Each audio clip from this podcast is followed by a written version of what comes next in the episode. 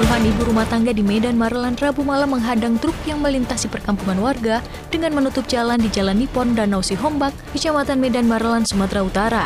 Warga yang tidak setuju dengan penutupan jalan pun memprotes. Adu mulut dan nyaris adu fisik sempat terjadi hingga membuat macet arus lalu lintas dari Medan menuju Pelabuhan Belawan.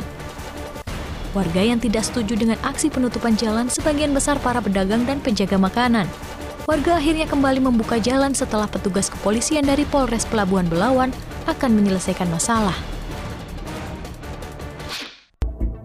Angin kencang dan hujan deras menyebabkan sebuah pohon tua yang rimbun di Bekasi Timur, Kota Bekasi, Jawa Barat, Rabu malam tumbang dan menutup jalan. Pohon juga menimpa gerobak penjual gorengan, beruntung sang penjual berhasil menyelamatkan diri. Warga bersama petugas BPBD Kota Bekasi langsung melakukan evakuasi batang pohon yang menutup jalan Mekarsari dan sempat membuat arus lalu lintas tersendat. Peringatan Maulid Nabi yang digelar di masjid-masjid milik Keraton Yogyakarta, salah satunya di Kagungan Dalam Masjid Sambisari, Kalasan Sleman. Alunan tembang Jawa bernada laras madia dengan syair-syair yang bertutur tentang kelahiran Nabi dan mengagungkan Nabi Muhammad dalam bahasa Jawa diiringi oleh rebana. Pelaksanaan peringatan Maulid Nabi ini untuk Keraton Yogyakarta menyandarkan pada kalender Jawa Sultan Agung.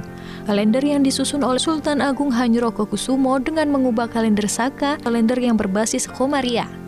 Tahun ini kalender Jawa sudah pada tahun 1955.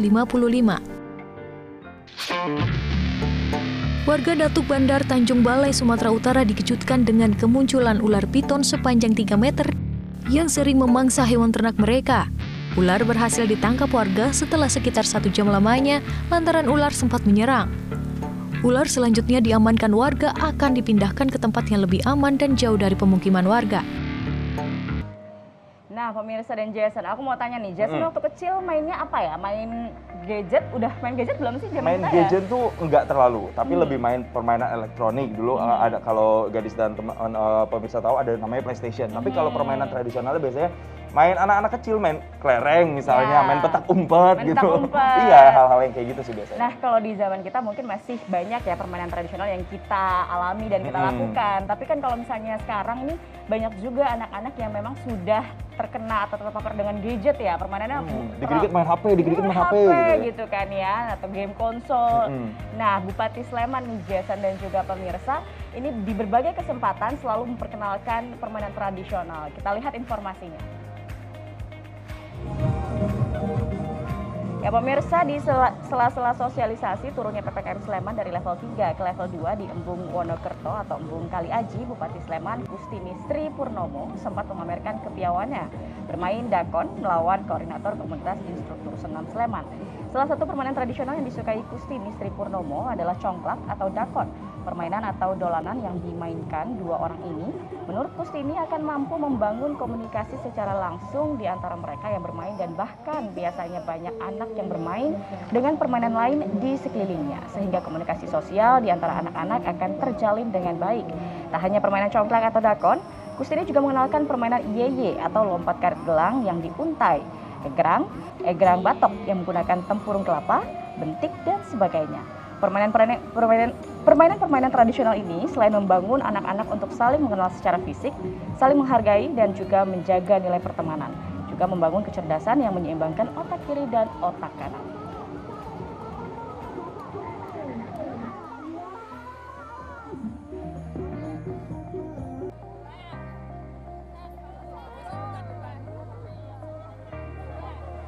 Iya betul sekali. Tidak harus um, menyalurkan ini potensi anak-anak dengan gadget atau dengan handphone terus, tapi juga harus mulai juga nih diseimbangkan, terutama bagi para orang tua ya gadis ya, hmm. untuk bisa memperkenalkan permainan-permainan tradisional supaya otak kanan dan kirinya seimbang dan yang terpenting adalah kemampuan anak-anak juga untuk bersosialisasi. Ya, tapi sangat disayangkan ya tadi Bu Kristina itu uh, Bupati Sleman hmm. mensosialisasikan dengan tidak menggunakan protokol kesehatan atau tidak hmm. menerapkan protokol kesehatan dengan tidak menggunakan masker. Nah, tentunya kan ini harus juga menjadi contoh ya walaupun hmm. di depan anak-anak depan masyarakat agar juga bisa dicontoh uh, niat baiknya ini oleh anak-anak dan warga sekitar. Nah, kita ke informasi berikutnya. Ini gadis dan juga pemirsa di Ponorogo, Jawa Timur. Ada seorang warga yang kemudian membuat penangkaran merak hingga berhasil berkembang biak mencapai hmm, puluhan ekor loh. Wow, selain untuk menjaga kelestarian satwa langka dan dilindungi ini, penangkaran juga untuk menyuplai ketersediaan bulu merak sebagai bahan untuk kesenian reok. Pemirsa di kandang penangkaran milik Edi Kurniawan, warga Dusun Gentan, Desa Ngrupit, Kecamatan Jenangan, Ponorogo inilah burung merak dikembangbiakan. Kandang yang dibangun di pekarangan rumah sejak 2018 ini menampung 50 ekor burung merak berbagai jenis, antara lain merak putih, biru black shoulder, ungu black shoulder, serta merak hijau. Ya, awalnya penangkaran ini pemirsa hanya memiliki lima pasang merak. Setelah dipelihara, burung tersebut terus berkembang biak dan hingga saat ini mencapai 50 ekor. Pemenuhan gizi dan nutrisi yang tepat menjadi kunci keberhasilan Edi dalam mengembangbiakan burung merak ini.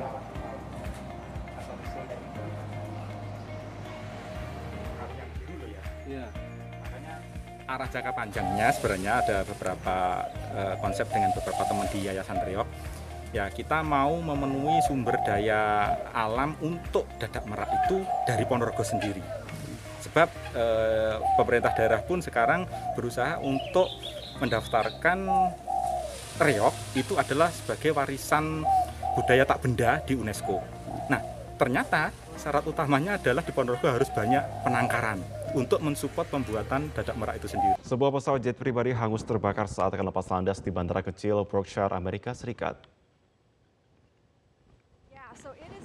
Namun beruntung pemirsa, seluruh penumpang yang berjumlah 21 orang selamat setelah berhasil keluar dari pesawat. Tidak ada cedera serius yang dialami seluruh penumpang, namun menurut Administrasi Penerbangan Federal Amerika Serikat atau FAA, pesawat pribadi dengan nama kode McDonnell Douglas MD-87 ini pesawat terbakar dan meluncur keluar jalur di Bandara Eksekutif Houston. 19 penumpang dan tiga awak berhasil keluar dengan selamat, hanya dua orang yang dilarikan ke rumah sakit dengan cedera ringan. FAA dan Badan Nasional Keamanan Transportasi akan menyelidiki kecelakaan tersebut.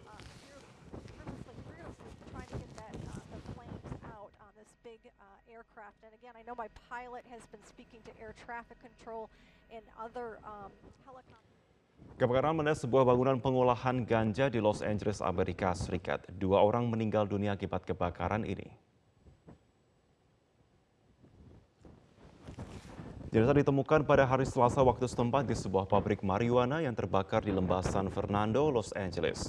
Kebakaran terjadi pada Senin sore setelah adanya ledakan.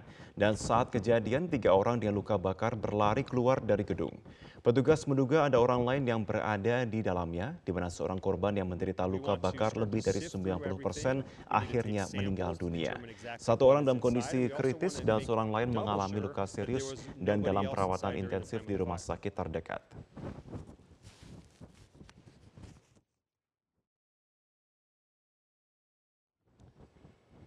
Jumlah korban tewas akibat banjir bandang yang melanda negara bagian Uttarakhand, India terus bertambah. Hingga Rabu waktu setempat, total 46 orang warga sipil dilaporkan meninggal akibat bencana banjir yang disertai longsor.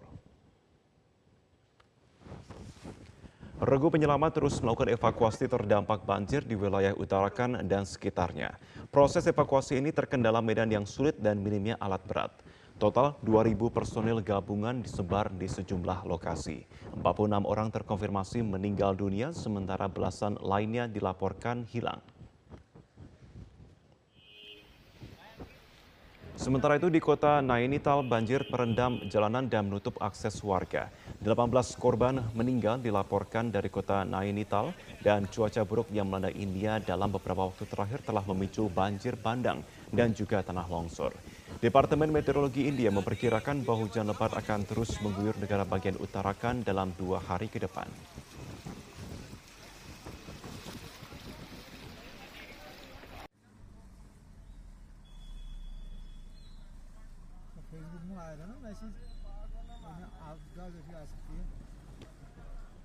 Tim penyelamat menerbangkan drone dalam upaya penyelamatan hewan yang terjebak akibat erupsi Gunung Cumbre Vieja di Spanyol. Terdapat empat ekor anjing yang terjebak berhari-hari di area erupsi Gunung Cumbria Vieja di Kepulauan La Palma. Tim penyelamat berasal dari perusahaan spesialis drone bernama Aero Camara. Sebelum melakukan penyelamatan dengan menggunakan jaring, tim penyelamat memantau perkembangan anjing yang terjebak dan secara rutin memberi makanan. Agar dapat memasukkan anjing ke dalam jaring untuk diselamatkan, mereka menggunakan makanan sebagai pengumpan. Sebelumnya, otoritas sempat telah menyelamatkan sejumlah hewan ternak dan peliharaan di area La Palma namun empat anjing yang terjebak ini luput dari pantauan.